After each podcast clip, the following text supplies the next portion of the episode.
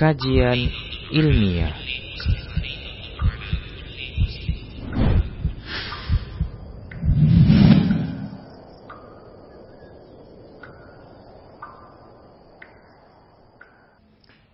Bismillah, Assalamualaikum warahmatullahi wabarakatuh. Innal hamdalillah nahmaduhu wa nasta'inuhu wa nastaghfiruh wa na'udzu billahi min shururi anfusina wa min من يهده الله فلا مضل له ومن يضلله فلا هادي له وأشهد أن لا إله إلا الله وحده لا شريك له وأشهد أن محمدا عبده ورسوله صلى الله عليه وسلم قال الله جل وعلا يا أيها الذين آمنوا اتقوا الله حق تقاته ولا تموتن إلا وأنتم مسلمون يا أيها الناس اتقوا ربكم الذي خلقكم من نفس واحدة وخلق منها زوجها وبس منهما رجالا كثيرا ونساء. واتقوا الله الذي تساءلون به والأرحام. إن الله كان عليكم رقيبا. يا أيها الذين آمنوا اتقوا الله وقولوا قولا سديدا. يصلح لكم أعمالكم ويغفر لكم ذنوبكم ومن يطع الله ورسوله فقد فاز فوزا عظيما.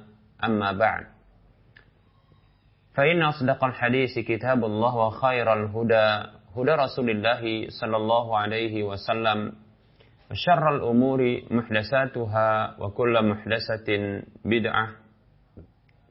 Wa kulla bid'atin dhalalah wa kulla dhalalatin finnar. Para muslim, para pemirsa Rosya TV, dan para pendengar Radio Medan Mengaji di mana saja Anda berada, rahimani wa rahimakumullah. Alhamdulillah, kita bersyukur kepada Allah Subhanahu wa taala di waktu kapan saja dan di mana saja kita berada karena Allah Subhanahu wa taala masih memberikan berbagai nikmat kepada kita dan kita ucapkan selawat dan salam untuk Nabi kita Muhammad sallallahu alaihi wasallam semoga Allah Subhanahu wa taala mewafatkan kita di atas ketaatan kepada Allah dan Rasulnya. Amin ya mujibas sailin. Para pemirsa dan para pendengar sekalian rahimani wa rahimakumullah. Kita akan masuk ke pembahasan baru dalam fikih muamalah adalah bab al-wakalah. Al-wakalah yaitu istinabatu jaizit tasarrufi mislahu fima tadkhuluhu an-niyabatu. Yaitu Maksud dari wakalah yang secara bahasa maknanya adalah perwakilan adalah permintaan orang yang dibenarkan untuk bertransaksi meminta menggantikan posisi kepada orang yang seperti dirinya yang boleh untuk bertransaksi di dalam hal-hal yang dibolehkan untuk adanya perwakilan di sana. Baik, para muslim rahimani warahmatullah. Ini definisi al-wakalah yang bahasa yang mudah untuk bisa kita pahami wakalah ini adalah maknanya perwakilan. Ya, karena juga wakil ini adalah ungkapan yang diadopsi dari bahasa Arab, yang diserap dari bahasa Arab, ya. Dan ini kalimat yang mudah untuk dipahami, wakalah artinya akad perwakilan. Itu mewakilkan ya, satu urusan yang memang boleh untuk diwakilkan dalam urusan tersebut kepada orang yang memang dibolehkan untuk melakukan transaksi dari orang yang sama seperti dirinya. Baik para muslim rahimani warahmatullah. Apa hikmah disyariatkannya wakalah? Para muslim rahimani warahmatullah. Bentuk wakalah atau akad perwakilan ini merupakan bentuk kebaikan-kebaikan di dalam Islam setiap orang terkadang dia memiliki kaitan ya dengan urusan orang lain. Maksudnya dia memiliki ya urusan yang terkait dengan orang lain. Yang juga dia memiliki hak-hak ya. Hanya saja ya terkadang ya tidak bisa uh, dilaksanakan karena satu urusan ya sehingga dia membutuhkan adanya perwakilan bagi dirinya untuk melaksanakan urusan tersebut. Maka di sini para muslim rahimani warahmatullah agama kita memberikan ya peluang kepada umatnya, kepada pemeluknya untuk bisa mewakilkan urusannya kepada orang lain yang orang tersebut memiliki sifat amanah. Orang tersebut memiliki ya kebolehan untuk melakukan ya transaksi-transaksi di dalam hal-hal yang dibolehkan untuk melakukan perwakilan tersebut. Demikian. Dan tentunya ia mampu, orang yang diwakilkan tersebut adalah orang yang memang mampu, diperkirakan mampu untuk bisa melakukannya. Nah tentunya, nah di sini menunjukkan kebaikan Islam. Ya. Dan tentunya para muslim rahimani warahmatullah bagi orang yang mendapatkan mendapatkan perwakilan tersebut, maka ini menjadi kebaikan bagi dirinya dan dia mendapatkan pahala di sana. Karena sesungguhnya ini merupakan bentuk tolong menolong di atas kebajikan dan ketakwaan. Meringankan ya, beban orang lain, membantu urusan orang lain sesuatu yang memang dianjurkan di dalam agama kita. Allah Subhanahu wa taala berfirman dalam surah Al-Maidah ayat 2, A'udzu billahi minasyaitonir rajim.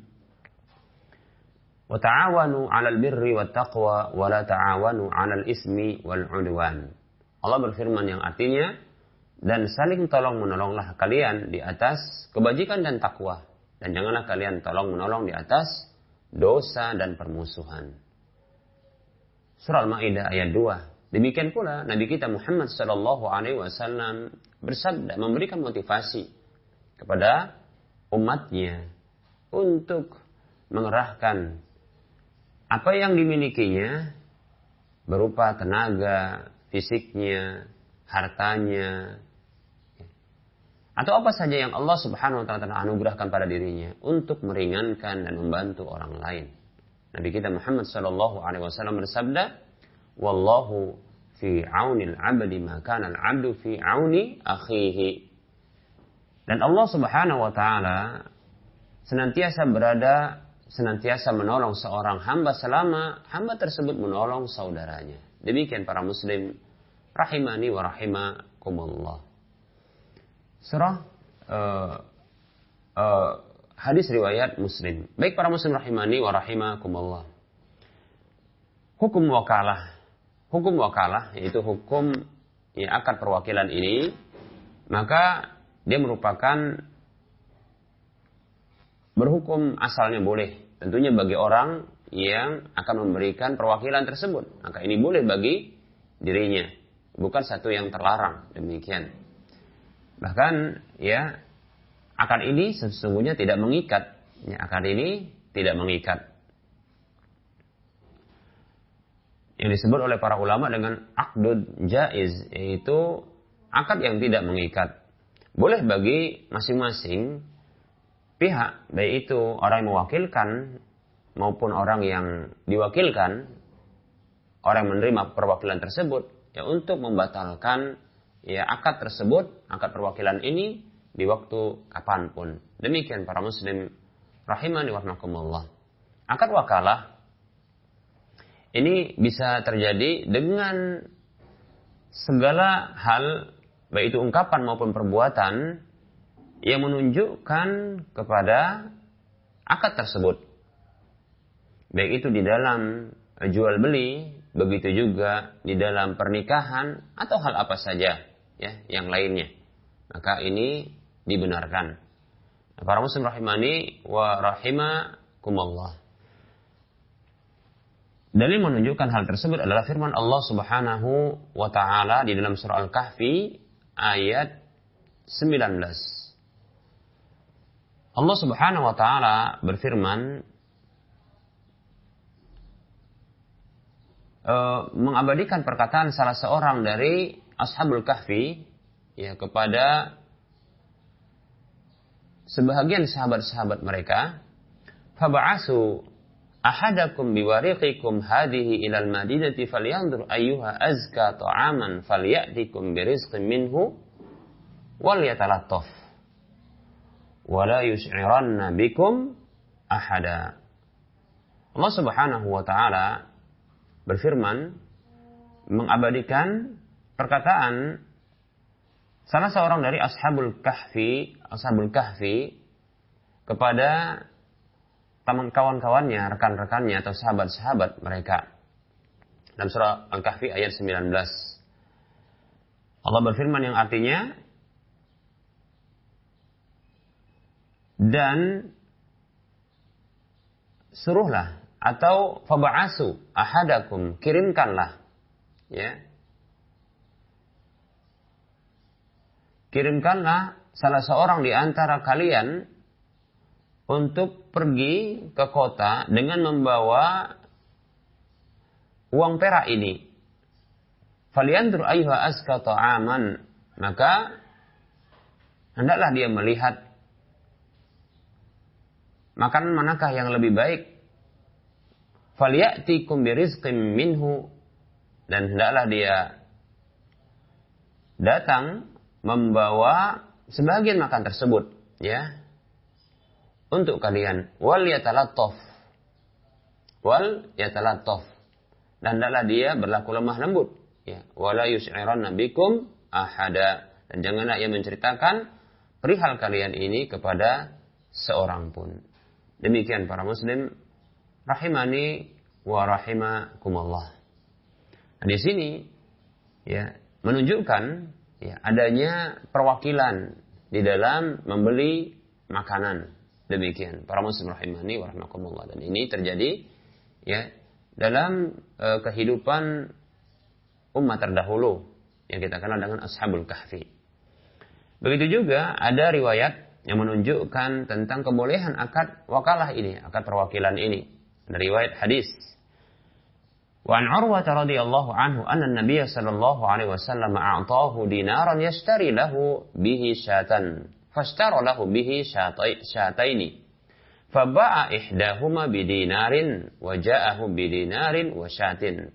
Fada'a lahu bil barakati fi bai'ihi wa kana law yashtara at-turaba la rabiha fihi akhrajahul Bukhari.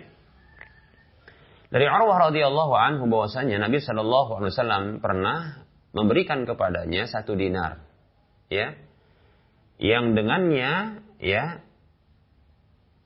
yang dengannya dengan satu dinar tersebut ya Arwah diminta untuk membelikan satu ekor kambing untuk Nabi Shallallahu alaihi wasallam. Lihat ini merupakan akad wakalah.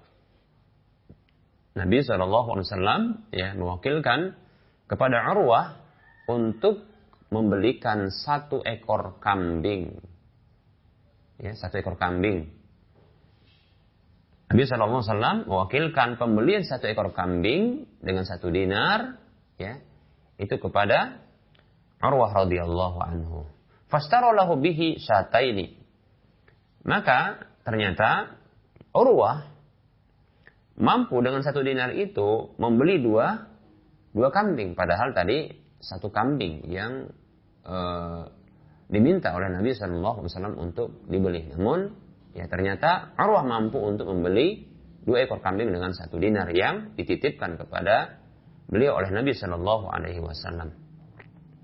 Faba'a ihdahuma bidinarin. Lalu salah satu dari kambing tersebut dia jual ya dengan satu dinar. Waja'ahu bidinarin wasyatin dan ia itu Arwah radhiyallahu anhu datang kepada Nabi Shallallahu alaihi wasallam dengan membawa satu dinar plus dengan ya satu ekor kambing. Fada'alahu bil barakati fi bai'ihi. Lalu beliau Shallallahu alaihi wasallam Nabi Shallallahu alaihi wasallam mendoakan keberkahan untuk untuk Arwah ini di dalam jual belinya. Ya.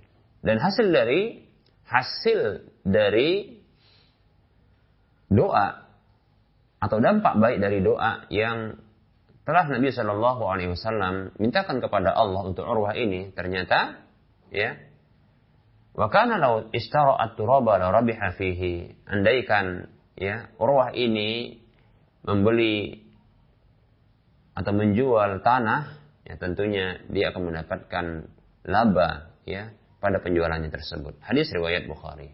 Nah, para muslim rahimani wa rahimakumullah.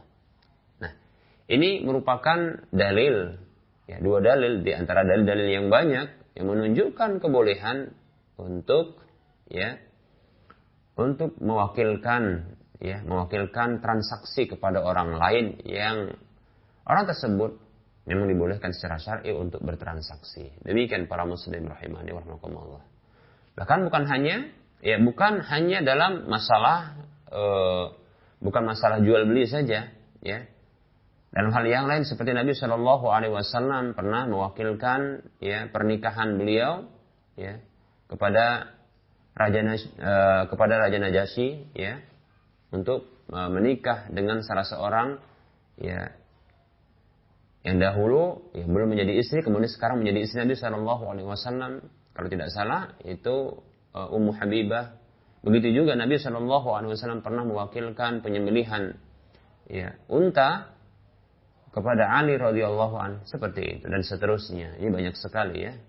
Dalil-dalil di mana banyak ya uh, kisah dan teladan di mana ya, orang-orang terbaik Nabi SAW, para sahabat ini mewakilkan ya sebagian dari urusan mereka kepada yang lainnya. Demikian. Baik para muslim rahimani wa rahimakumullah. Ya. Apa saja yang dibenarkan untuk diwakilkan padanya para muslim rahimani wa rahimakumullah perkara-perkara yang wajib Demikian pula hak-hak itu ada tiga macamnya. Yang pertama adalah apa saja yang dibenarkan untuk diberlakukan akad perwakilan padanya secara mutlak. Dan ini adalah segala sesuatu yang memang ya boleh untuk masuk kepadanya e, perwakilan ya akad perwakilan. Boleh adanya pergantian, ya, mewakilkan sebagian urusan kepada yang lainnya. Seperti contohnya ya dalam urusan akad-akad, ya, akad-akad muamalah, ya. Begitu juga di dalam pembatalan pembatalan-pembatalan akad dan di dalam uh, pemberlakuan hukuman terhadap pelaku pelaku kriminal. Demikian, ya. Dan seterusnya. Boleh juga ya dan nyatakan sah apabila perwakilan itu dari satu orang yang memiliki hak dan hal yang wajib bagi dirinya untuk diwakilkan kepada sebahagian e, kepada beberapa orang ya tidak mesti harus satu satu orang ya Adapun kalau perwakilan satu orang kepada satu orang yang lain maka ini tentunya hal yang dimaklumi satu yang biasa terjadi. Nah, ini dibolehkan karena ini asalnya. Maka bukan merupakan sebuah hal yang keliru apabila ada satu orang yang dia mewakilkan sebagian urusannya dalam hak-haknya ya itu kepada sekelompok orang. Begitu juga sebaliknya dibolehkan ya sekelompok orang yang memiliki hak-hak itu mewakilkan kepada satu orang ya untuk diselesaikan urusannya ya. Demikian para muslim rahimani wa rahimakumullah. Kemudian ada jenis yang kedua itu eh, kewajiban-kewajiban demikian pula hak-hak yang ada pada seseorang yang jenis kedua ini adalah yang tidak boleh dan tidak sah untuk diwakilkan kepada orang lain secara mutlak. Urusan apa saja itu? Yaitu urusan ibadah, ya, yang bersifat badan, ya, urusan ibadah yang bersifat badaniyah, ya, yang murni dia. Ya, terkait dengan kewajiban pribadi. Kewajiban pribadi yang terkait dengan ya badannya. Ibadah yang terkait dengan ibadah yang wajib yang terkait dengan uh, diri pribadinya. Demikian, ya. Ini seperti bersuci, toharoh, seperti sholat, ya, dan yang lainnya. maka perwakilan dalam hal ini yang merupakan perkara yang diharamkan. Bahkan ya tidak tertunaikan kewajiban tersebut.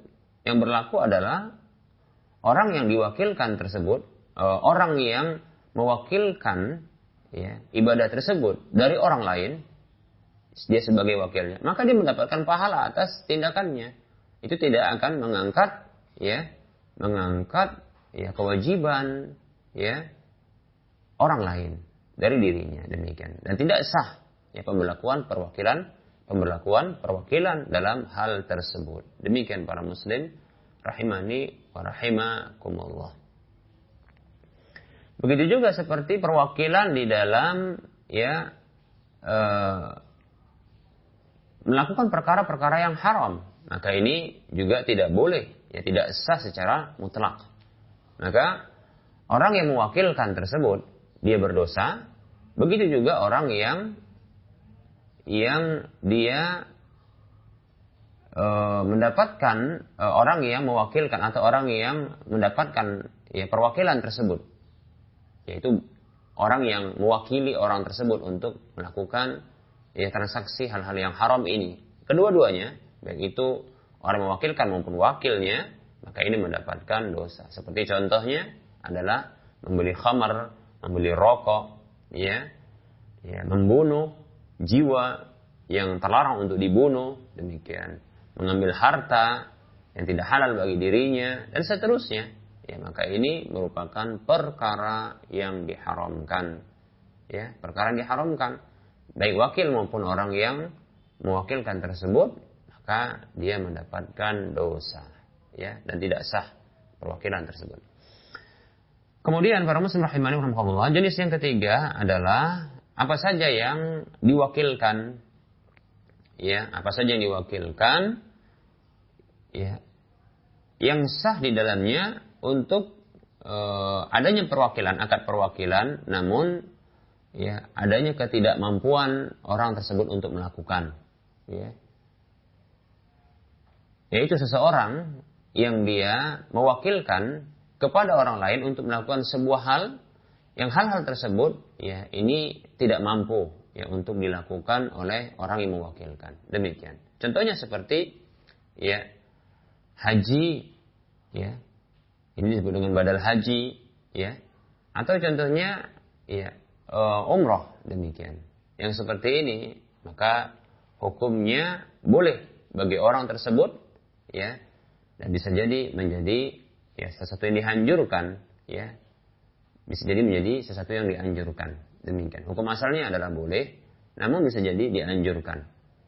Ya baik itu bagi orang yang mewakilkan maupun bagi orang yang e, menjadi wakil dalam hal tersebut. Demikian para muslim rahimani wa rahimakumullah.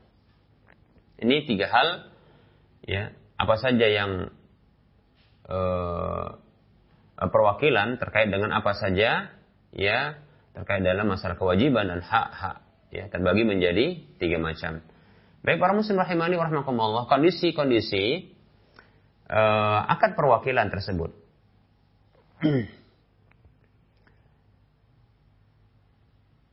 akad perwakilan ya itu sah secara mutlak ya sah secara mutlak. Seperti orang yang mengatakan ya maka perwakilan ini sah secara mutlak seperti orang mengatakan seperti ini, ya Anda adalah wakil saya ya di dalam e, perniagaan saya ini demikian. Ya. Sah juga ketika e, disebutkan perwakilan tersebut dalam jangka waktu yang tertentu, ada batas waktunya. Ya seperti dia katakan, ya Anda wakil saya dalam sebulan untuk mengurusi masalah ini demikian. Maka ini seperti ini sah. Baik itu tidak ada pengkaitan dengan waktu ya selamanya atau ya dikaitkan dengan batasan waktu demikian ya. Atau sah juga untuk ya dinyatakan dengan cara bersyarat. Seperti seseorang mengatakan ya uh, dia mengatakan begini ya apabila ya apabila telah sempurna atau telah selesai ya e, sewa rumahku ini ya. Telah selesai sewa rumahku ini, maka silahkan jual ya rumah tersebut. Demikian ya.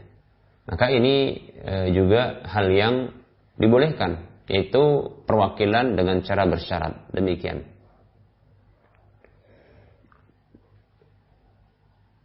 Atau dengan cara langsung ya, dengan e, serah terima langsung ya, perwakilan tersebut seperti yang katakan ya yaitu dengan cara dadakan ya. Anda adalah wakil saya ya sekarang demikian. Yang mungkin sebelumnya bukan e, menjadi wakil ya bagi dirinya. Demikian. Dan juga boleh ya menerima e, bentuk akad perwakilan baik itu segera ataupun dengan e, adanya jeda waktu ya demikian contohnya Anda akan menjadi wakil saya ya jika telah lewat dalam sebulan ini atau Anda menjadi wakil saya ya dalam waktu beberapa ya menit lagi. Nah, seperti itu. Maka yang seperti ini dibenarkan. Demikian para muslim rahimani wa rahimakumullah. Nah, ini kondisi-kondisi dalam akad perwakilan. Baik para muslim rahimani wa rahimakumullah, ya. Hukum mewakilkan kepada orang yang akan menjadi wakil, ya. Ya, maaf kita ulangi, hukum mewakilkan ya bagi orang yang menjadi wakil kepada orang lain. Nah, seperti itu. Jadi e, perwakilan akad perwakilan yang berantai, ya. Demikian. Apakah seperti ini dibenarkan? Baik para muslim rahimani wa rahimakumullah. Ya, tidak boleh hukum asalnya tidak boleh bagi seorang wakil yang dia diwakilkan ya atas sebuah urusan dan dia menerima uh, akad perwakilan tersebut pada dirinya dalam urusan-urusan tersebut yang menjadi hak orang yang mewakilkan, dia wakilkan hal tersebut kepada orang lain. Ya, pada orang lain kecuali ya apabila orang mewakilkan tersebut memberikan izin memberikan izin ya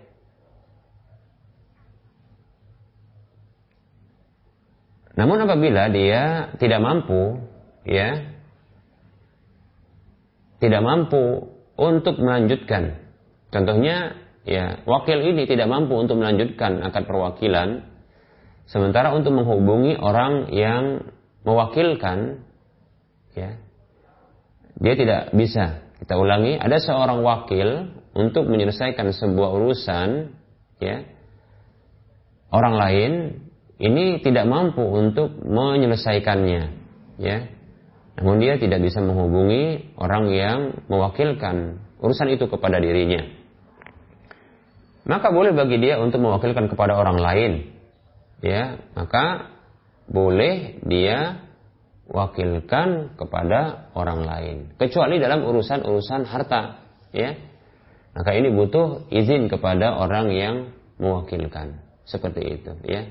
Mengapa? Ini di sini dikhawatirkan ya ada e, kerugian yang didapatkan ketika diwakilkan kepada orang lain ya. Nah, dalam hal ini nanti akan siapa yang akan me, e, e, menanggung kerugian seperti itu? Karena ini tidak diberikan izin oleh orang yang mewakilkan atau orang yang punya harta tersebut. Demikian para muslim rahimani wa rahimakumullah ya. Kapankah berakhir ya akad perwakilan ini? Ya, berakhirnya akad perwakilan ini ada salah satu dari empat hal berikut ini. Yang pertama adalah ya pembatalan ya salah seorang dari kedua pelaku akad perwakilan tersebut terhadap akad perwakilan dibatalkan. Baik itu orang yang menjadi wakil atau orang yang mewakilkan. Demikian. Yang kedua adalah wafatnya salah seorang dari pelaku e, dari dua pelaku akad tersebut, ya demikian. Atau mengalami kegilaan, ya maka ketika itu batal akadnya, demikian. Kemudian yang ketiga, ya yang ketiga adalah ya, e, orang yang mewakilkan ya itu menarik ya menarik ya perwakilan tersebut ya kepada uh, dari orang yang diwakilkan. Menariknya ya menariknya ya artinya uh, dipindahkan kepada yang lainnya. Ini mirip dengan yang pertama yaitu ada pembatalan ya namun uh, sesungguhnya kalau dibatalkan tentunya maknanya adalah tidak ada kemudian perwakilan berikutnya ya. Namun kasus yang ketiga ini adalah orang yang mewakilkan ini memindahkan ya memindahkan menarik kemudian memindahkan kepada ya orang lain perwakilan tersebut ya. Seperti itu. Maka untuk akad perwakilan yang pertama ini e, berakhir. Demikian. Kemudian yang keempat adalah adanya e, tindakan penonaktifan ya atau pelarangan terhadap orang-orang yang e, dilarang untuk bertransaksi ya. Contohnya seperti yang kita sebutkan dalam e, pembahasan al-hajru yaitu adanya e, tindakan pembatasan ataupun penghentian terhadap transaksi bagi seseorang yang mengalami kebangkrutan. Nah, ini sama ya. Contohnya ada dari pihak e, pengadilan yang memperlakukan sebuah kebijakan bahwasanya orang yang diwakilkan ini ya atau orang yang menjadi wakil ini ternyata dia tidak boleh untuk bertransaksi. Maka ketika itu ya berakhir berakhir ya akad wakalah bila telah berlaku akad wakalah tersebut demikian. Baik, para muslim rahimani warahmatullah. Ini empat ya hal yang apabila salah satu darinya ini terjadi maka berakhirlah akad wakalah. Para muslim rahimani wa rahimakumullah berikutnya ya bentuk dari perwakilan tersebut. Ya bentuk dari perwakilan. E, bentuk akad perwakilan ini bisa dengan adanya fee yaitu adanya kompensasi berupa uh, berupa upah atau gaji atau tanpa upah atau gaji. Demikian ya. Nah apabila dia berupa upah atau gaji fee ya maka dipersyaratkan harus adanya kejelasan ya. Harus adanya kejelasan demikian. Harus ada kejelasan. Dari sisi mungkin eh,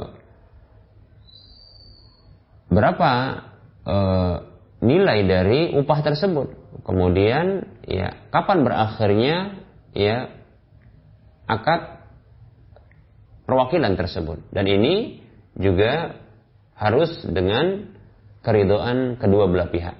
Demikian. Harus dengan ya keridoan dari kedua belah pihak. Orang yang menjadi wakil adalah orang yang sesungguhnya amanah ya pada apa saja yang diwakilkan kepada dirinya Ya, maka kalau dia seorang yang amanah, maka sesungguhnya dia tidak menanggung kerugian. Ini pada asalnya orang yang menjadi wakil pada apa saja yang diwakilkan, ya dalam urusan apa saja yang diwakilkan kepada dirinya, maka sesungguhnya dia tidak menanggung kerugian. Ya, tidak menanggung kerugian. Ya. Kerugian dari apa saja yang diwakilkan kepada dirinya. Karena dia adalah seorang yang amin, yaitu orang yang diberi amanah. Demikian, ya. Ya, kecuali ya bila dia melakukan e, pelanggaran kesepakatan atau dia melakukan kecerobohan atau adanya kelalaian dari dirinya, maka ketika itu ya dia menanggung kerugian. Demikian.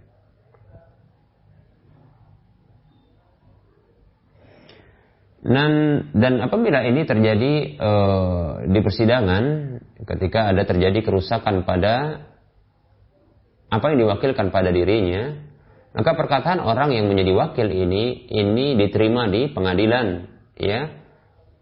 Ketika dia menyatakan bahwasanya dia tidak ada melakukan pelanggaran kesepakatan, dia tidak melakukan kecerobohan, dia tidak uh, uh, tidak ada kelalaian pada dirinya dalam uh, perwakilan yang diarahkan kepada dirinya dan tentunya disertai dengan adanya sumpah demikian ya Nabi Shallallahu Alaihi Wasallam bersabda, "Lakinil bayinatu alal mudda'i wal yaminu alaman angkar." Ya. Ada bukti bagi orang yang menuduh, ya, dan bagi orang yang mengingkari maka adanya sumpah. Nah, orang yang menjadi wakil ini adalah orang yang amanah, yang dia sesungguhnya ya dalam hal ini dialamatkan tuduhan kepada dirinya bahwasanya dia yang ya melakukan tindakan kerugian tersebut pada apa yang diwakilkan. Sehingga ketika dia mengingkari tuduhan tersebut, ya, bahwasanya dia tidak melakukan ya, tidak melakukan kecerobohan, tidak melakukan pelanggaran kesepakatan, demikian pula dia tidak uh, melakukan kelalaian, tidak ada kelalaian dari dirinya, dalam hal ini dipindahkan ya eh, tanggungan kerugian yang asalnya bukan pada dirinya itu dipindahkan kepada dirinya, maka tentunya ini merupakan bentuk tuduhan, ya. Nah, ketika itu ya perkataan dia diterima di pengadilan, tapi dia harus disertai dengan adanya sumpah. Waliyaminu alaman angkar dan sumpah itu bagi orang yang mengingkari. Demikian. Para muslim rahimani wa rahimakumullah.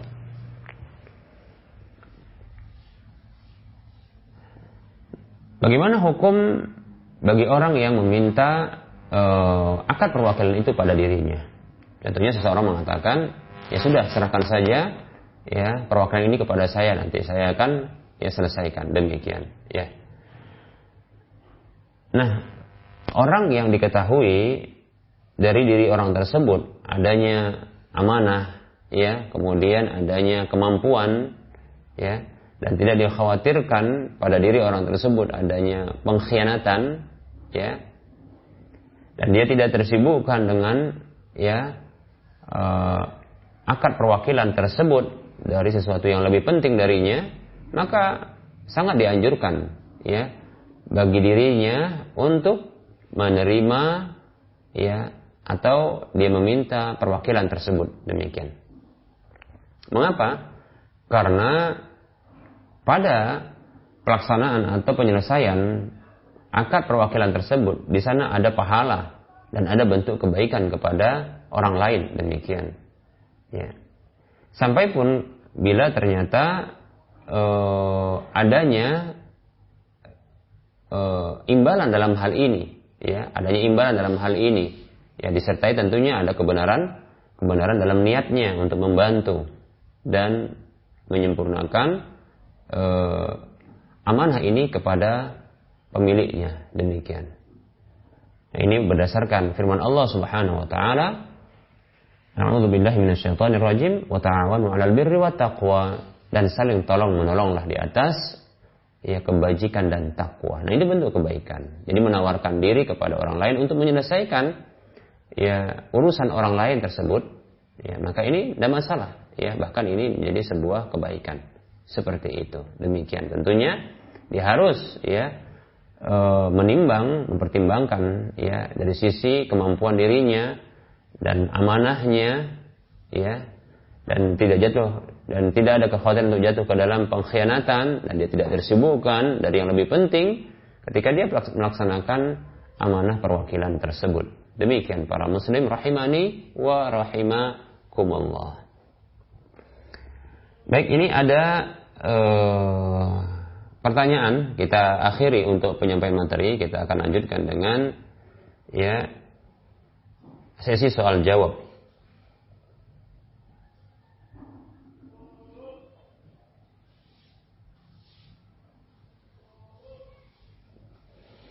Baik, ada pertanyaan Assalamualaikum warahmatullahi wabarakatuh. Waalaikumsalam warahmatullahi wabarakatuh. Afwan Ustaz, mau bertanya. Bagaimana menyikapi mertua yang suka berhutang ke menantunya, padahal hutang-hutang yang sebelumnya belum dibayarkan? Dan jika dilihat dari sisi finansial, mertua tersebut sulit untuk membayar hutang. Baik akan kita jawab. Ya. Bismillah. Memberikan hutang kepada orang yang dekat hubungannya ya dengan kita, hubungan persaudaraan, ya, hubungan kekerabatan, maka ini tentunya uh, ada pahala, ada pahala yang besar. Selain ya pahala secara umum itu memberikan hutang kepada orang lain juga ada pahala yaitu silaturahim di sana. Demikian tentunya eh, pernah kita sebutkan bahwasanya memberikan hutang ini merupakan bentuk sedekah ya bentuk sedekah. Baik itu di awal ya di awal pemberian hutang itu merupakan bentuk sedekah yaitu seperti bersedekah setengah ya. Nabi Shallallahu Alaihi Wasallam ya menyatakan bahwa sedekah dua kali itu seperti e, berhutang memberikan hutang dua kali ya itu seperti bersedekah sekali demikian ya memberikan hutang dua kali kepada saudaranya sama muslim maka itu seperti bersedekah kepadanya sekali demikian Begitu juga ketika menangguh, menangguhkan pembayaran hutang, ya, yaitu memberikan penangguhan dalam pembayaran hutang. Ya, maka ini juga merupakan bentuk sedekah, ya. Setiap harinya sebesar dari ya hutang yang diberikan. Demikian. Begitu juga bila ditangguhkan lagi, maka seperti dua kali. Demikian seterusnya. Seperti itu. Nah, sementara Nabi Shallallahu Alaihi Wasallam itu pernah bersabda, ya, as-sadaqatu alal miskin ya sadaqatun wa ala rahimi sadaqatun asintani sadaqatun wa silatun kata Nabi Shallallahu alaihi wasallam sedekah ya yang diarahkan kepada orang miskin itu satu pahalanya itu sedekah. Ya. Namun sedekah yang diarahkan kepada orang yang memiliki hubungan kekerabatan dengan dirinya maka itu dua pahala yaitu sedekah dan silaturahim. Demikian. Ya, tentunya seperti itu. Ya tentunya seperti itu pahala yang didapatkan. Namun bagaimana bila ternyata orang yang berhutang ini ya, walaupun ketika memberikan hutang itu adalah bernilai sedekah, orang yang memiliki hubungan kedekatan, hubungan ya, kekerabatan dengan dirinya ini, ini ketika uh, hendak berhutang ternyata memiliki hutang sebelumnya yang belum terbayarkan, ya, dan itu pun belum ya belum mampu untuk bisa dinyatakan membayar, namun hendak berhutang kembali. Baik, ya ini tentunya kembali kepada orang yang akan memberi hutang, ya. Jika ingin berbuat baik kepada dirinya, maka ini boleh, tidak masalah, ya. Bahkan, ya, mungkin ya, bisa berniat di dalam hati bahwasanya dia akan merelakan ya hutang tersebut, merelakan hutang tersebut. Ya ketika mungkin salah satu darinya ini e, meninggal dunia contohnya. Seperti itu. Ya maka hutang yang sebelumnya ketika ditangguhkan terus ya tidak belum diketahui pembayarannya maka ini akan e, membuahkan pahala seperti bersedekah ya. Setiap harinya seperti sebesar hutangnya. Begitu. Jika mungkin hutang sebelumnya itu sebesar 2 eh, juta itu belum juga di, dikembalikan ya. Dan ini sudah jatuh temponya. Akhirnya minta tangguh namun tidak ada kejelasan kapan demikian ya. Maka selama ya hari-hari yang dilalui pembayar hutang tersebut yang belum terbayarkan maka ini seperti ya bersedekah kepadanya sebesar setiap harinya sebesar dari hutangnya jadi setiap hari ber, ber, bersedekah kepada mertua tersebut itu sebesar 2 juta, 2 juta, 2 juta jika memang besarnya 2 juta. Dan ini sekarang mau hendak utang lagi. Sementara yang 2 juta itu belum terbayar. Ya, bagaimana? Nah ini kembali kepada orang tersebut. Ya. Bila dia ingin berbuat baik, mengumpulkan banyak kebaikan, ya silahkan dia memberikan hutang lagi. Ya. Kemudian tanyakan yang 2 juta tersebut mampu nggak untuk membayar. ya kalau mau contohnya kalau mau berhutang kembali maka selesaikan dulu yang 2 juta. Uh, dia katakan oh tidak mampu untuk membayar atau diberikan limit dulu waktu. Ternyata tidak mampu, ya. Tidak mampu. Maka masuk berarti penangguhan yang kedua. Nah, kalau penangguhan kedua ini diberlakukan, ya, maka setiap harinya itu seperti berhutang, ya, uh, bersedekah setiap harinya itu bersedekah kepada mertuanya ini itu dua kali ya dari nilai hutangnya. Jadi seperti bersedekah setiap harinya setelah periode yang kedua penangguhan ini berlalu, ya, itu seperti 4 juta, 4 juta setiap harinya seperti itu. Luar biasa. Lalu ketika itu dia ingin nambahkan hutang lagi. Maka dia seperti bersedekah setengahnya. Masya Allah. Setengah dari kumulatif dari dua, dua totalnya. Katakanlah dia tidak berhutang, contohnya dua, dua juta lagi. Demikian. Berarti ya 2 juta yang sebelumnya dengan 2 juta yang ini ya jadi 4 juta maka itu seperti bersedekah 2 juta kepadanya bersamaan dengan yang tadi setiap harinya ada nilai ya hut, uh, nilai sedekah sekitar 2 juta uh, 2, uh, 4 juta 4 juta demikian luar biasa ini kalau kita mengumpulkan pahala nah makanya ya tergantung ini ya hendak bila orang tersebut ya menantu ini ingin ya mengumpulkan pahala besar. Barangkali menantu ini termasuk orang yang sedikit beramal mungkin, ya. Nah, dengan cara inilah dia bisa untuk apa? Untuk memberikan e, bagi dirinya pahala kelak di akhirat dengan izin Allah tentunya. Kalau dia ikhlas.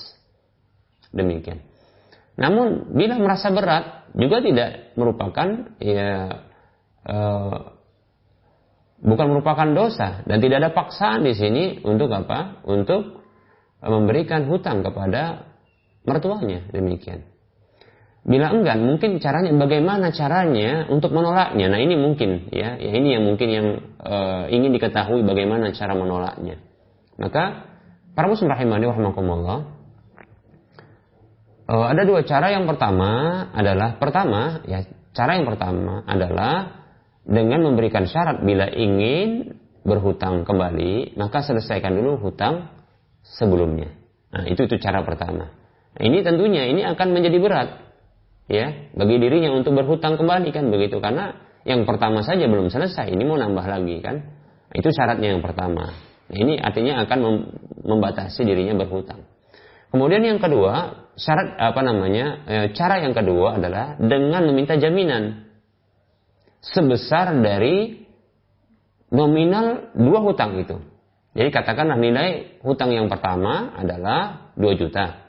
Ini tidak berhutang lagi sekitar 2 juta. Maka mintakan ya jaminan ya gadaian begitu ya e, dari mertua ini sebesar ya kumulatif dari nilai hutang ya, yang pertama dan yang kedua seperti itu. Nah ini sebenarnya dua trik, dua cara untuk apa? Untuk me, e, membatasi hutang orang lain.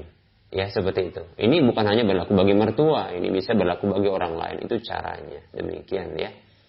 Nah silahkan pertimbangkan kedua-duanya ini bukanlah merupakan sebuah hal yang keliru ya. Tentunya yang pertama lebih baik, yang kedua ini ya ini tidak ada dosa pada dirinya. Demikian. Wallahu ta'ala a'lam. Semoga bermanfaat.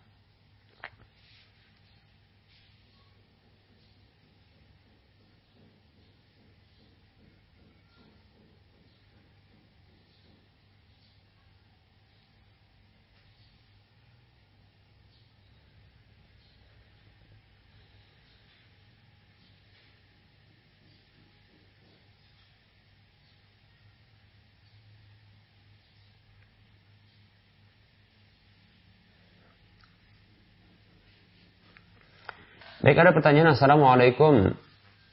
Apa kabar Ustaz? Waalaikumsalam warahmatullah Alhamdulillah baik ya. Semoga selalu sehat Ya. Wa anta kadalik Izin bertanya Ustaz. Bagaimana hukum memberi zakat mal kepada adik sendiri?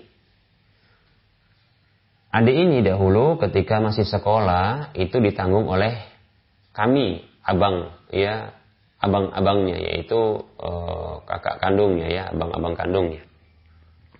Dan sekarang sudah dapat pekerjaan. Hanya saja yang jadi masalah ya selama dua bulan ini ya belum dapat gajian ya. Jazakumullahu khairah. Ya jazakallahu khairah. Wa iyyak jazallah baik kita akan jawab pertanyaan ini. Walaupun ini pertanyaan tentang masalah zakat ya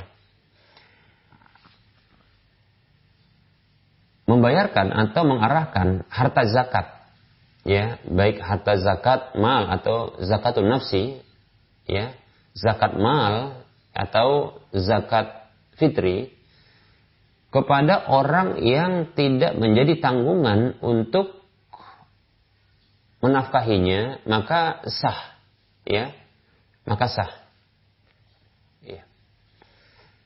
seorang uh, adik kandung ya adik kandung yang sudah dewasa ya maka sesungguhnya sudah menjadi kewajiban bagi adik kandung tersebut orang yang dewasa dia untuk menafkahi dirinya sendiri. Demikian ya. Ini tentunya laki-laki nih maksudnya ya. Demikian ya. Laki-laki maka dia harus mencari nafkah. Demikian.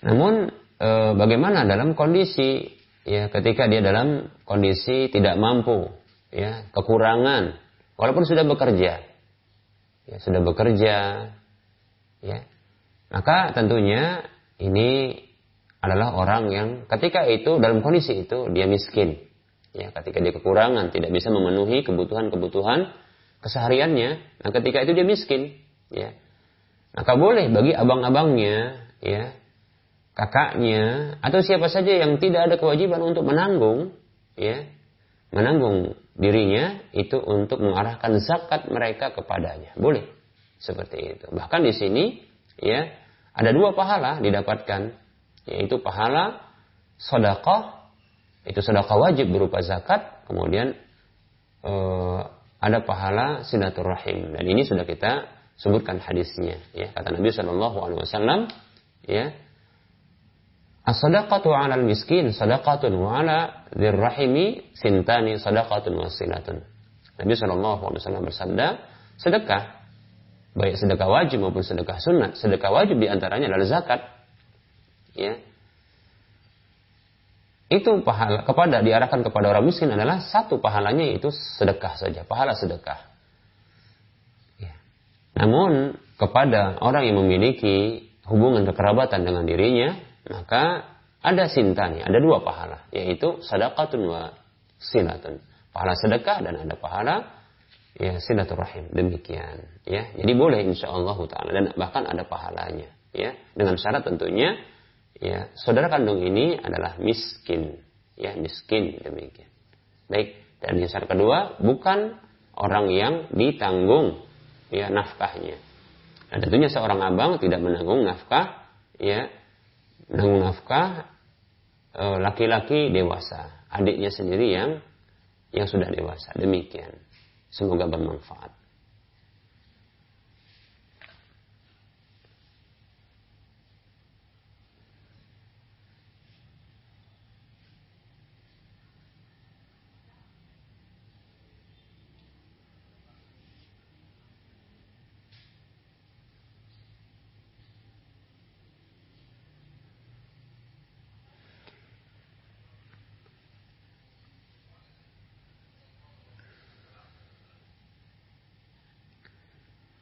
Baik, kita akan uh, mencoba untuk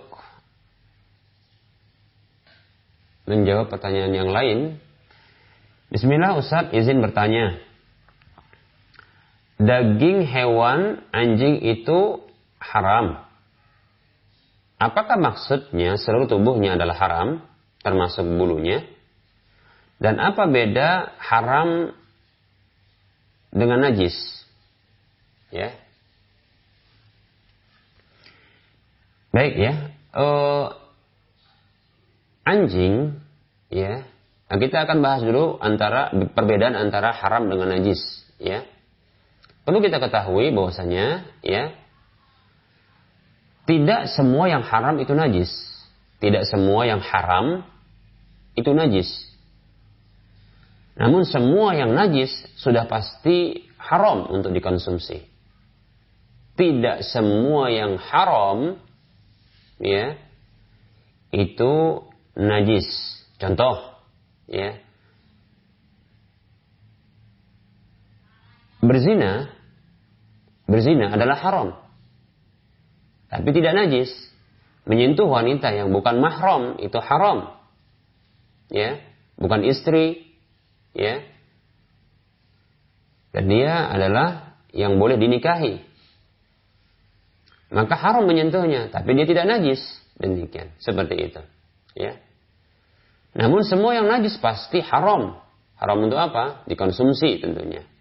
Seperti contohnya, ya kotoran manusia, air seni manusia, ya, bangkai, maka ini adalah najis dan sudah pasti haram, haram untuk dikonsumsi. Nah seperti itu.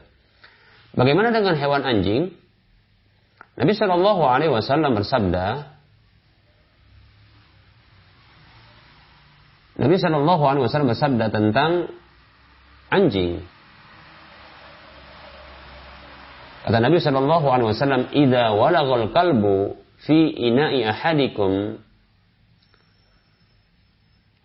fal yaghsilhu sab'a marratin ulahunna biturab." Kata Nabi Shallallahu Alaihi Wasallam, ya, apabila seekor anjing menjilat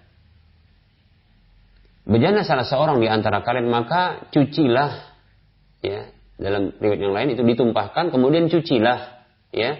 Dengan tujuh kali bilasan. Yang pertama itu dengan tanah dicampur dengan tanah. Demikian. Ya. Nah eh, para ulama mengkategorikan bahwasanya air liur anjing ini adalah an-najasah mughalladah an-najasatul mughalladah yaitu najis yang berat najis yang berat Mengapa berat? Karena jilatannya, yang ini di situ ada air liurnya, ternyata diperlakukan, disyariatkan untuk dicuci, bahkan diperintahkan oleh Nabi SAW untuk dicuci dengan tiga, maaf, dengan tujuh kali basuhan, siraman air. Dan yang pertama ada tambahannya, itu dengan tanah, menunjukkan cara bersuci yang yang berat, ya, seperti itu. Ini menunjukkan dia apa? najis berat. Lalu bagaimana e, fisiknya? Apakah itu najis juga? Apakah haram juga ya untuk dikonsumsi? Maka di sini ada perbedaan pendapat di kalangan para ulama. Loh, kok ada perbedaan pendapat? Ya, ada beda pendapat ya, di kalangan para ulama. Ya, ini saya pernah dapatkan, ya, mungkin e, ada Eh, keterangan yang lain yang belum saya dapatkan. Tapi ini berdasarkan apa yang sampai kepada saya. Ya, bahwasanya ya, jumhur ulama menyatakan najisnya anjing dan haramnya anjing tersebut untuk dikonsumsi. Ya, dia najis ya dan haram untuk dikonsumsi. Demikian. Karena dia najis. Mengapa dikatakan najis? Perhatikan air liurnya saja yang dihasilkan dari e, dari anjing tersebut ini dinyatakan sebagai najis yang mughalladah, yang berat. Lalu tentunya hasil apa namanya? penghasil dari penghasil dari air liur tersebut itu tentunya sudah pasti najis. Ya. Ini e, namanya dalil iktidha ya. Ini tentunya apa? E, tuntutannya demikian ya atau bisa dikatakan juga kias aulawi ya lebih utama dia untuk dia najis seperti itu karena penghasilnya najis seperti itu ya sedangkan eh, ada hewan yang suci air liurnya sementara fisiknya itu haram untuk dikonsumsi fisiknya haram dikonsumsi ya haram dikonsumsi. Namun air liurnya suci. Nah tentunya, ya para muslim rahimani wa rahimakumullah, ya, air liur yang dia najis, Ya, ini tentunya penghasilnya ya itu lebih najis.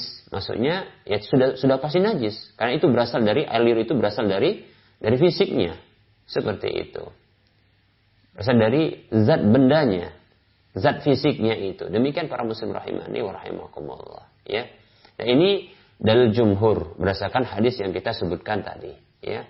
Tentunya berdasarkan ya model pendalilan dia iktidho atau kita katakan dalil kias aulawi demikian.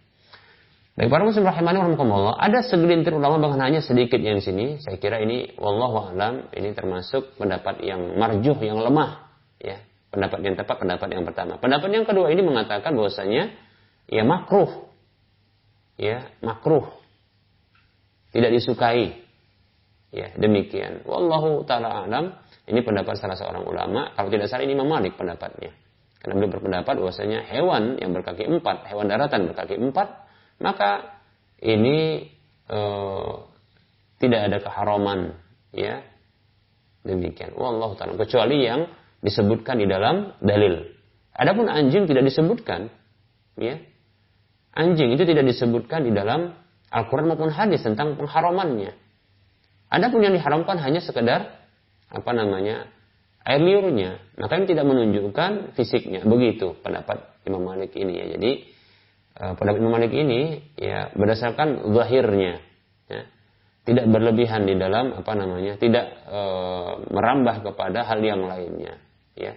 Wallahu taala pendapat yang kuat ya tentunya adalah pendapat yang pertama. Dan ini dikuatkan dengan dalil yang lain. Di mana dalam hadis Jabir radhiyallahu an kalau tidak salah hadis Jabir radhiyallahu an dia mengatakan nah Nabi sallallahu alaihi wasallam ya an samanil kalbi wa an, wa an samanis sinawuri ya. Kata Nabi sallallahu alaihi wasallam ini hadis Muslim kalau tidak salah Nabi sallallahu alaihi wasallam ya melarang hasil jual beli anjing dan hasil jual beli kucing. Dilarangnya Ya, Nabi SAW melarang dan ini menunjukkan haramnya hasil jual beli anjing dan kucing. Baik para muslim rahimani warahmatullah, dalam hadis yang lain Nabi SAW mengatakan, ini hadis dari Ahmad, Inna Allah idha harrama akla syai'in harrama samanahu. Sesungguhnya Allah Subhanahu wa taala apabila mengharamkan ya makan sesuatu, maka Allah SWT mengharamkan hasil jual belinya. Allah mewahyukan kepada Nabi Muhammad SAW untuk mengharamkan hasil jual beli anjing dan kucing. Itu menunjukkan bahwasanya Allah mengharamkan memakannya seperti itu. Nah ini pendapat yang kuat ya untuk menguatkan pendapat yang pertama. Wallahu taala a'lam.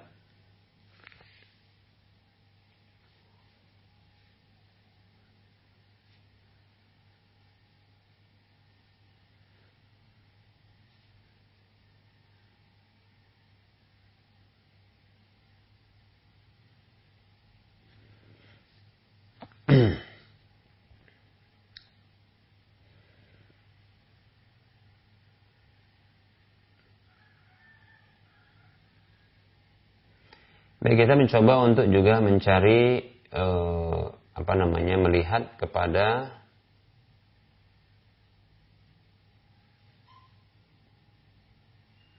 pertanyaan berikutnya.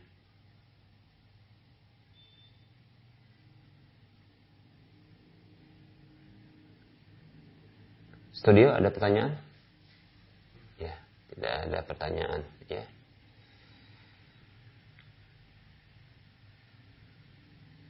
Baik, ini ada pertanyaan tentang rumah tangga ini ya. Bismillah, Assalamualaikum Ustadz. Saya mau bertanya ini, ada pertanyaan dari teman Ustadz. Bagaimana bila istri sebenarnya nggak cinta dari awal menikah Ustadz? Dia menikah hanya karena kasihan saja, bukan karena Allah. Dan dia juga tidak cinta Ustaz. Sudah hampir dua tahun sang istri nggak pernah bahagia Ustaz. Selalu aja bertengkar. Jadi istri ini nggak mau makin lama numpuk dosa karena sering bertengkar. Apakah boleh istri minta cerai?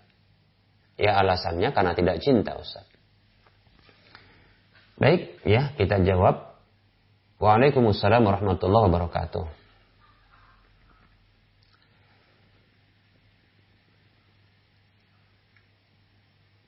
Cinta atau tidak cinta, ya, bukanlah merupakan alasan yang dibolehkan untuk minta cerai.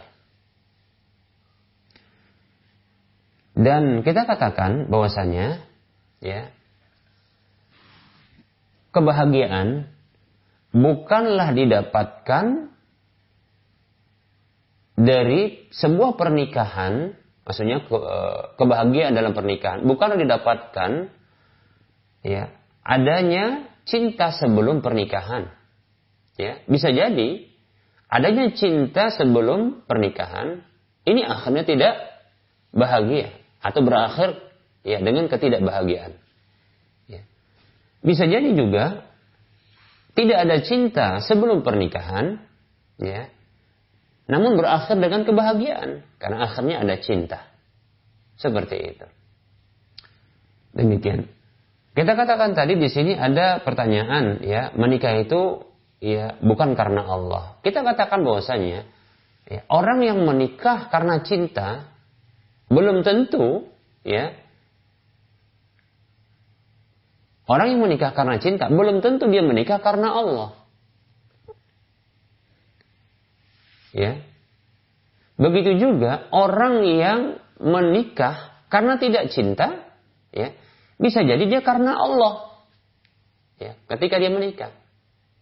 Bahkan saya saya beritahu, bisa jadi pula seseorang yang menikah menikah dengan orang lain, baik itu seorang wanita menikah dengan seorang laki-laki atau seorang laki-laki menikah dengan seorang wanita yang dia niat menikah dengan orang tersebut itu karena niat kasihan, ini bisa jadi karena Allah Subhanahu wa taala. Bisa jadi. Contoh dia menerima pernikahan ya seseorang kepada dirinya yang akan menjadi pasangan hidupnya itu karena kasihan. Contohnya kasihannya adalah ya kalau dia seorang wanita yang yang dinikahinya, wanita ini sudah contohnya memperlihatkan auratnya atau menampakkan e, sebahagian dari dari e, anggota tubuhnya dalam proses nazar, itu proses dalam melihat. Ini dibolehkan untuk melihat. Ternyata ketika dilihat ada sesuatu yang tidak menjadi harapannya.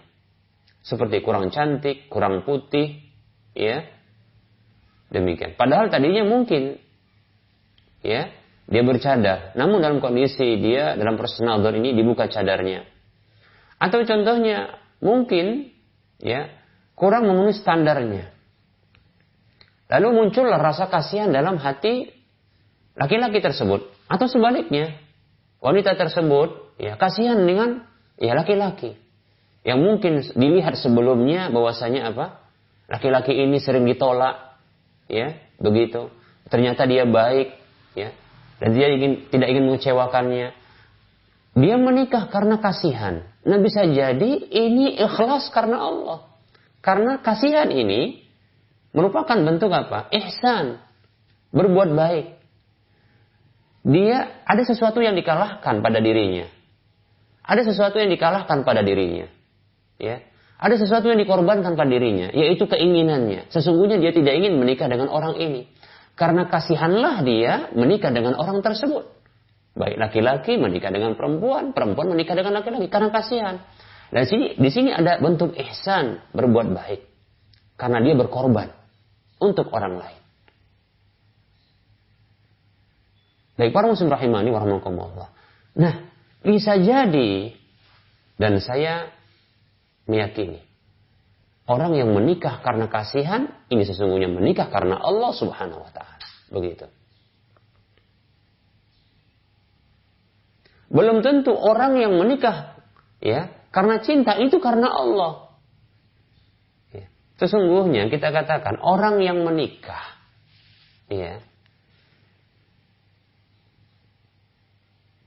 menikah karena cinta pun, seandainya pernikahan itu syar'i, proses yang diberlakukan adalah syar'i. Seseorang menikah, dia lalui tahapan-tahapan syar'inya, ya diperkenalkan ya data-datanya tanpa dia harus melihatnya terlebih dahulu, data-datanya itu apa? diperkenalkan kepada dirinya. Ternyata cocok. Ya. Melalui proses berikutnya kemudian dia melihatnya. Ya akhirnya muncul cinta.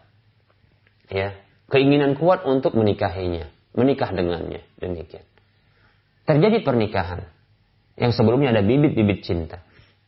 Maka saya katakan, cinta yang pertama ini adalah cinta syahwat. Ya. Cinta syahwat. Di mana cinta ini ya menuntut adanya kebersamaan menuntut adanya kebersamaan, keinginan untuk bersama, meluapkannya. Namun cinta seperti ini ya rentan dengan perpisahan, mudah untuk berpisah, bisa untuk berpisah. Mengapa? Karena belum ada jasa yang tertanam, belum ada pengorbanan yang terlihat, belum ada kesetiaan yang didapatkan dalam kehidupan bersama. Seperti itu. Belum ada kebaikan-kebaikan yang tertanam. Pengorbanan, kesetiaan. Nah, para muslim rahimani rahimakumullah. Cinta syahwat masih.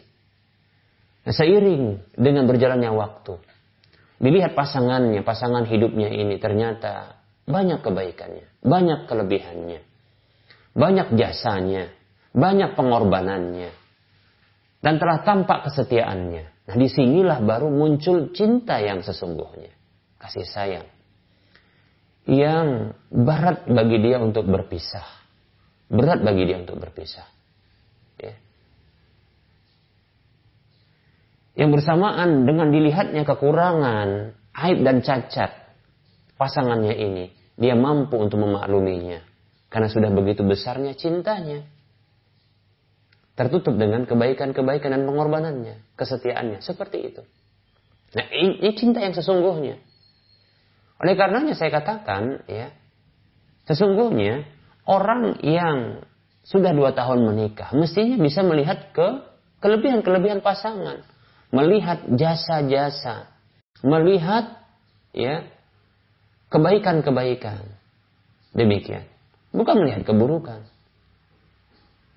Para muslim rahimani warahmatullah, ya. Hendaknya kita, masing-masing kita, masing-masing kita Baik Anda seorang istri maupun Anda seorang suami. Saya sebagai seorang suami. Ya. Kita sebagai seorang suami atau istri. Maka ikuti pesan Nabi Shallallahu Alaihi Wasallam. Jika anda memang benar-benar orang yang mengikuti Nabi Shallallahu Alaihi Wasallam, ya, karena itu merupakan syarat untuk mendapatkan kecintaan Allah Subhanahu Wa Taala. Kata Allah Subhanahu Wa Taala dalam surah Ali Imran ayat 31 Allah mengatakan, "A'udzu billahi minasyaitonir rajim. Qul in kuntum tuhibbunallaha fattabi'uni yuhibbukumullah wa yaghfir lakum dzunubakum." Ya. Katakan Muhammad sallallahu alaihi wasallam, apabila kalian benar-benar cinta kepada Allah, maka ikutilah aku, ikuti Rasulullah. Maka Allah akan cinta kepada kalian dan mengampuni dosa-dosa kalian, menghapuskan kesalahan-kesalahan kalian. Rasulullah sallallahu alaihi wasallam bersabda, "La yafruku mu'minun mu'minatan in kariha minha khuluqan radiya minha akhara." Hadis riwayat Muslim. Kata Nabi sallallahu alaihi wasallam, jangan sampai ada seorang laki-laki beriman itu membenci wanita beriman. Ini adalah ungkapan untuk seorang suami yang punya iman, ya, ini jangan sampai membenci istri yang beriman. Rasulullah tidak menggunakan kalimat zauj dan zaujah. Suami atau istri. Tidak. Tapi Rasulullah menggunakan kalimat ya orang beriman laki-laki dan orang beriman perempuan. Jangan sampai ada yang membenci, tidak menyukai. Mengapa? Rasulullah SAW dalam ungkapan beliau ini ada hikmah besar. Beliau ingin menyampaikan kepada kita bahwasanya ciri keimanan itu adalah ciri yang setelah disebutkan sebutkan ini. Yaitu mampu melihat keimanan dan keimanan itu merupakan kelebihan. Itu sudah cukup untuk dilihat. Ya. Ternyata Nabi mengatakan berikutnya, in kariha minha khuluqan, apabila seorang suami tadi melihat adanya ya sesuatu yang tidak disukai dari istrinya, maka radhiya minha akhar. Dia bisa ridho ya dari istri tersebut dengan yang lainnya. Maksudnya bukan dengan istri yang lainnya, bukan. Itu dengan sesuatu yang lain yang dimiliki oleh sang istri ini, yaitu kelebihan-kelebihannya. Baik, warahmatullahi rahimani warahmatullah. Sesungguhnya ini bukan hanya terbatas bagi suami. Ini juga berlaku bagi istri ini hadis. Namun kenapa kalau Rasulullah lebih menyebutkan kepada suami? Ada dua kemungkinan. Yang pertama adalah ya karena talak itu ada di tangan suami. Yang sangat mungkin ketika dia tidak suka, maka dia akan mentalak istrinya. Demikian. Sehingga Rasulullah memfokuskan kepada sang suami penyebutannya. Padahal ini berlaku juga untuk wanita. Bisa juga kemungkinan berikutnya adalah Rasulullah ingin meringkas perkataan. Ya. Karena arija arijalu syaqaiqun nis'a syaqa'a anisa'u syaqaiqur rijal. Ya, bahwasanya wanita itu adalah ya saudara dari laki-laki. Maksudnya ketika disebutkan laki-laki, maka itu mencakup wanita, begitu. Jadi ini berlaku untuk wanita juga. Kita semua Orang yang memiliki pasangan hidup hendaknya dia mampu melihat kelebihan bukan melihat kekurangan, ya. Begitu. Fokus kita kepada apa? Kelebihan bukan kekurangan. Demikian. Nah, inilah yang akan menutupi kekurangan-kekurangan. Ya. Ini ingat ini sebagai bentuk apa? Bentuk nasihat untuk pribadi saya. Ya. Untuk saya pribadi melihat kelebihan istri saya. Ya Demikian ya. Jadi tidak mesti harus ada cinta terlebih dahulu. Bahkan kalau seandainya seseorang yang dia tidak cinta dengan suaminya, karena ini kasus yang ditanyakan. Tidak cinta dengan suaminya, tidak ada cinta dengan suaminya. Selama dia menikah dengan suaminya sampai matinya, kita katakan demikian. Maka sesungguhnya ya, pengorbanannya dalam kehidupan rumah tangga bersama dengan suaminya yang dia terus melayani suaminya dan dia menahan keinginannya, hasratnya. Kenapa? Karena hanya untuk mendapatkan keridoan Allah tentunya. Karena Allah mewahyukan kepada Rasulnya untuk mengatakan, "Idza sallatil mar'atu khamsaha wa samat syahraha wa hafizat farjaha wa ta'at zaujaha qila laha udkhuli udkhuli al-jannata min ayyi abwabiha syi'ti. Hadis riwayat Ahmad. Kata Nabi sallallahu alaihi wasallam, apabila seorang wanita itu dia sholat lima waktu. Ini seorang istri sholat lima waktu. Puasa di bulan Ramadan. Dia berpuasa di bulan Ramadan. Jaga, dia jaga kemaluan dan kehormatan dirinya. Dan dia pun lakukan itu.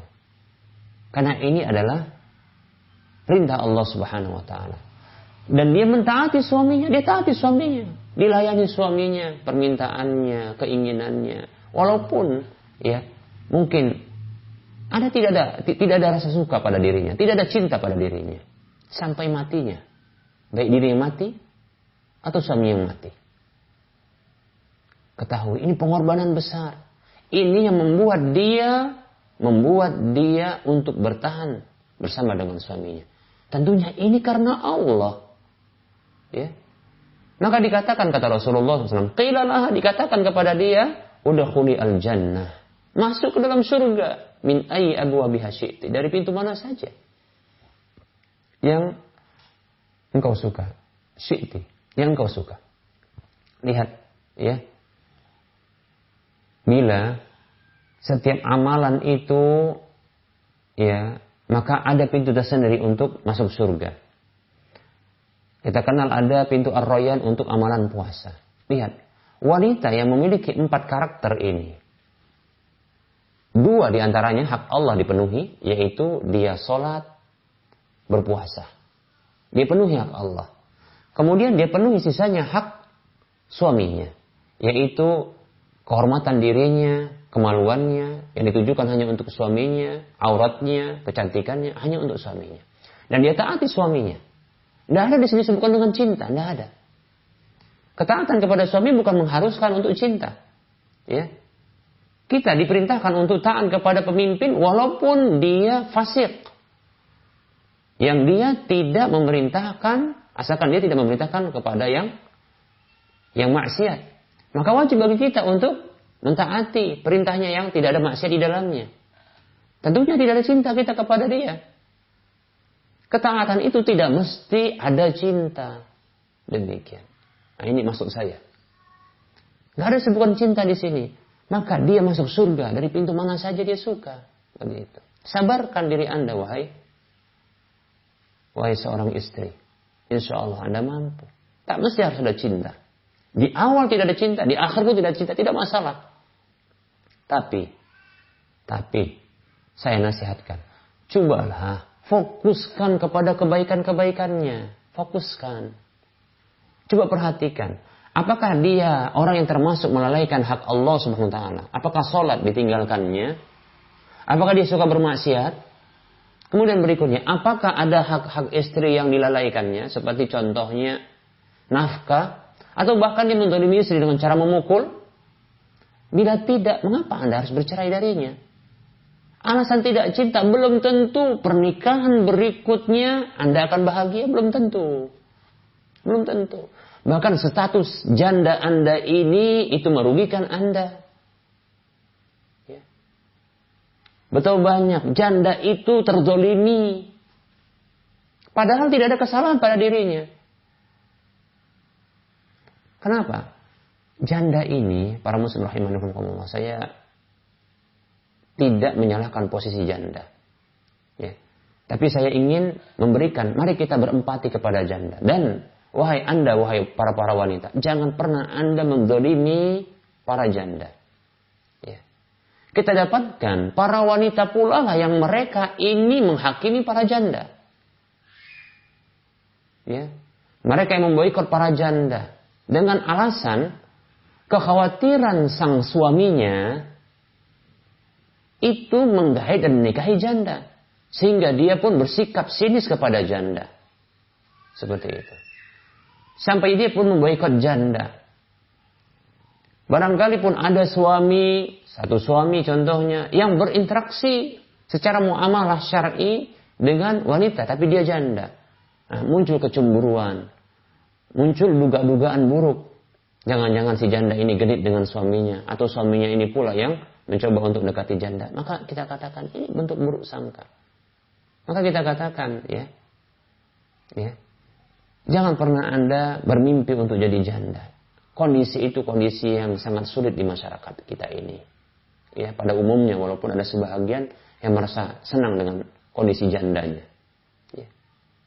Sungguh saya katakan ya, belum lagi contohnya, ya kita katakan walaupun ada sebahagian kalangan dari laki-laki ini yang juga bisa, ya ada yang berminat dengan janda untuk menikahi janda.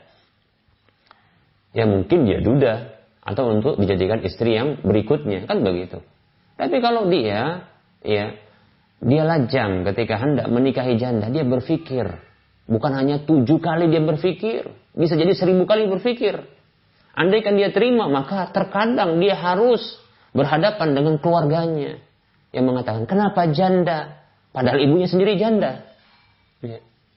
Tapi begitu kenapa harus janda? Begitu sulit ya.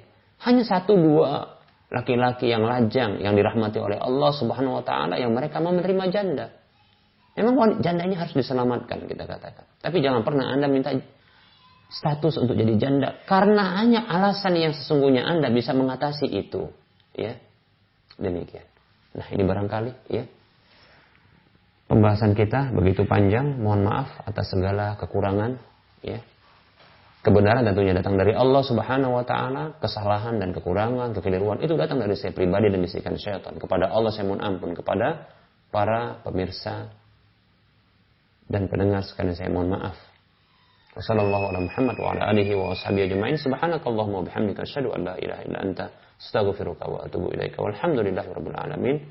Wassalamualaikum warahmatullahi wabarakatuh. えっ?